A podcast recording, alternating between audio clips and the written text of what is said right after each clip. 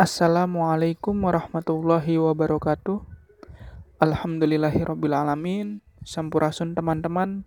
Saya Aditya Rahman, mahasiswa Politeknik Pos Indonesia, jurusan Teknik Informatika.